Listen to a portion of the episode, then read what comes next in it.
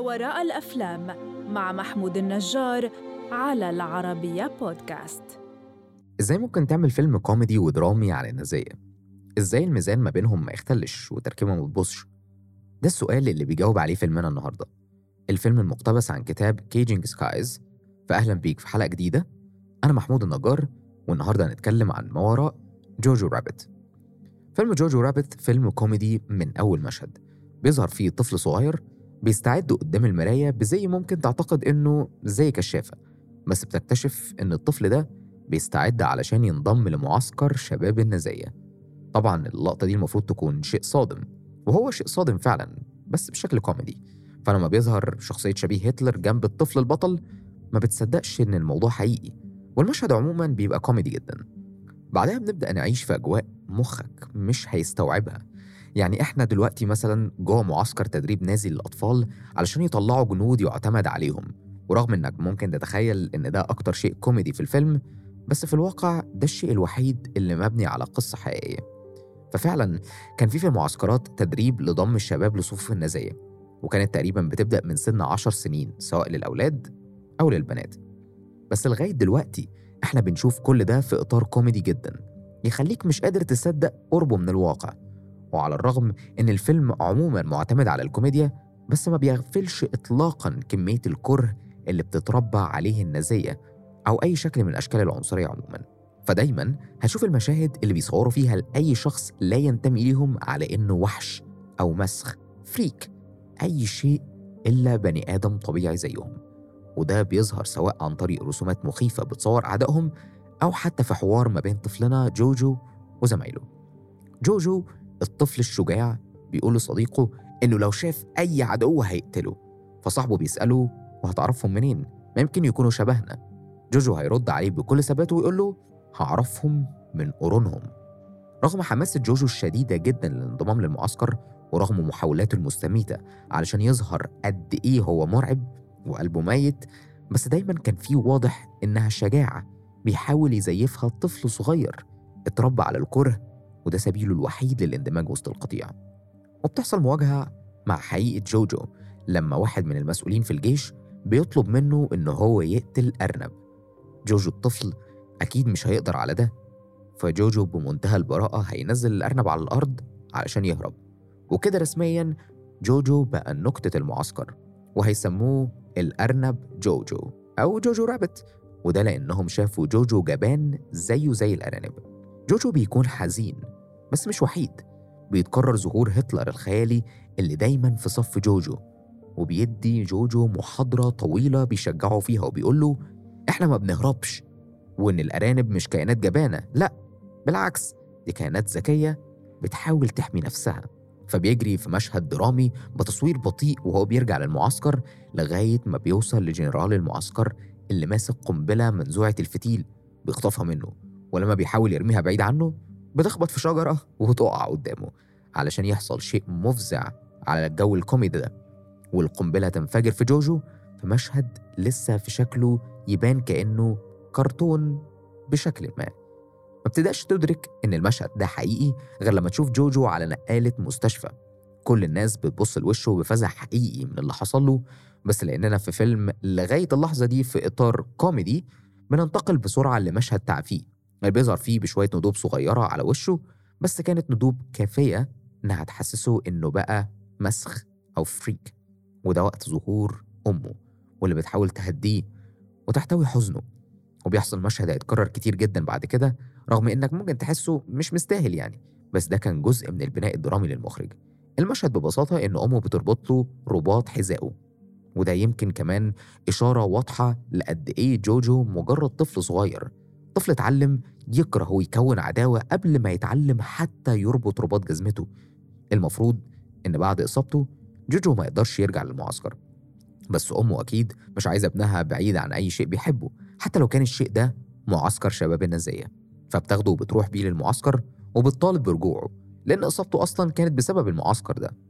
هنا جوجو بيبعد عن الأكشن خلاص وبياخد شوية منشورات بيطلب منه يوزعها في بلدهم الصغيرة.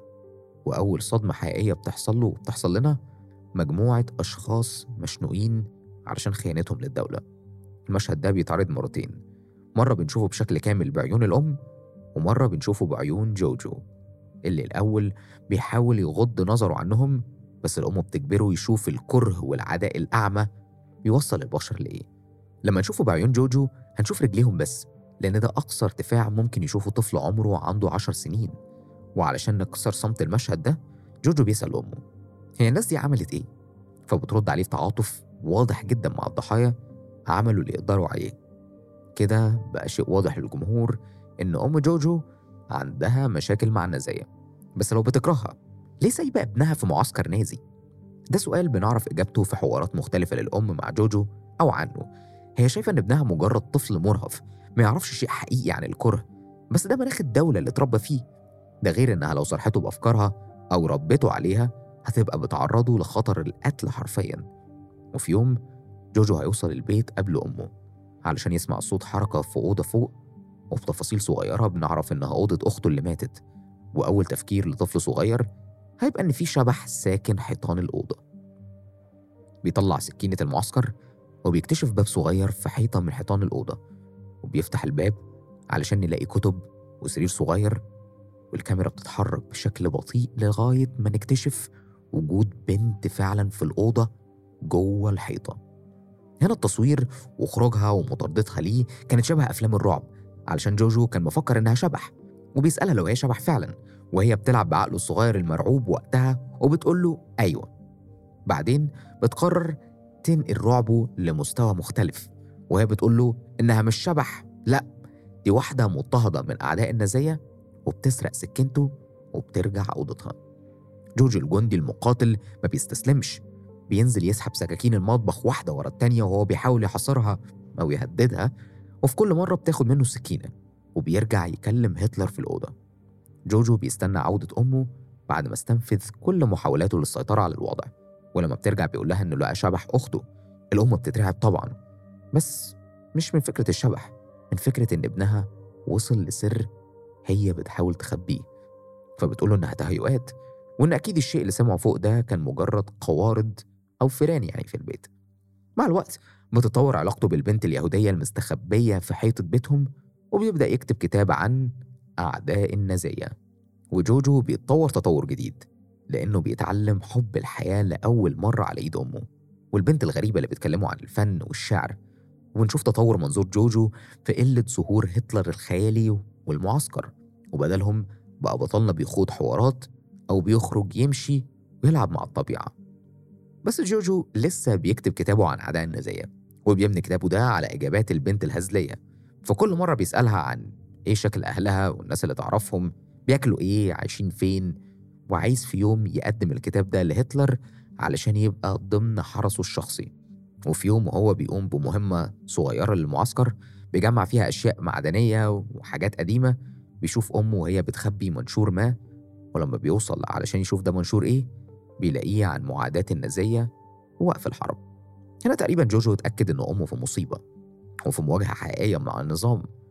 بيروح بيته مهموم جدا بيقعد في صمت على الكرسي وهو ساند راسه بإيده كأنه شخص كبير كهل مهموم في وسط حواره مع البنت الغريبة وصديقته الوحيدة في الوقت ده.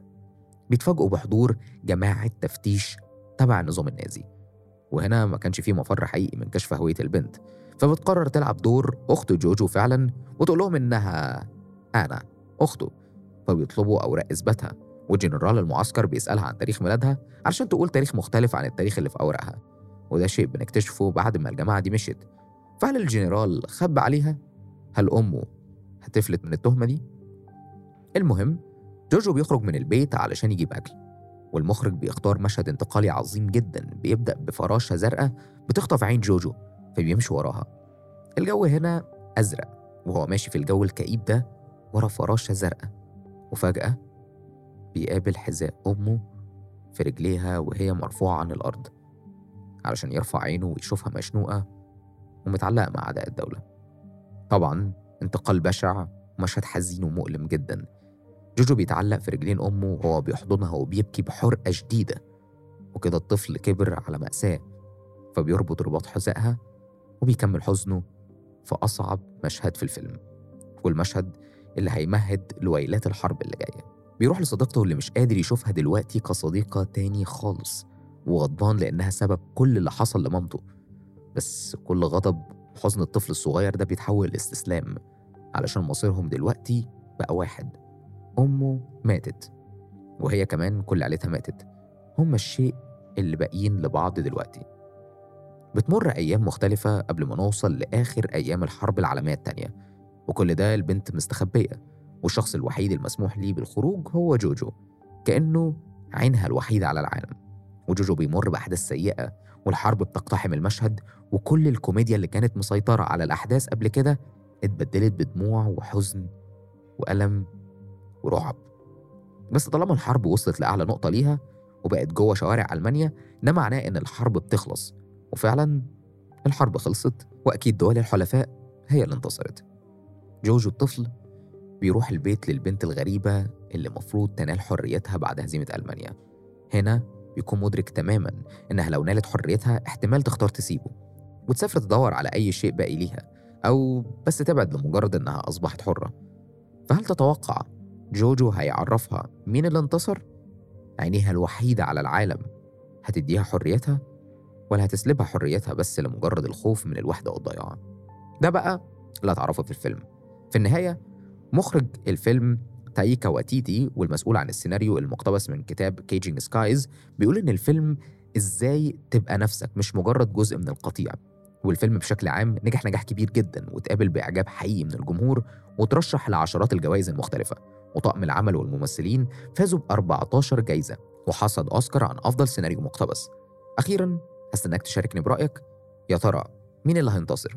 جوجو اللي اتعلم حب الحياة وعلاقته بالعدو الغريب اللي اتحولت لصداقة ولا جوجو اللي اتربى على الكره والخوف؟ استناني الحلقة اللي جاية في حلقة جديدة من بودكاست ما وراء أفلام علشان نحكي عن ما وراء فيلم جديد بمنظور مختلف منظور ما وراء الأفلام.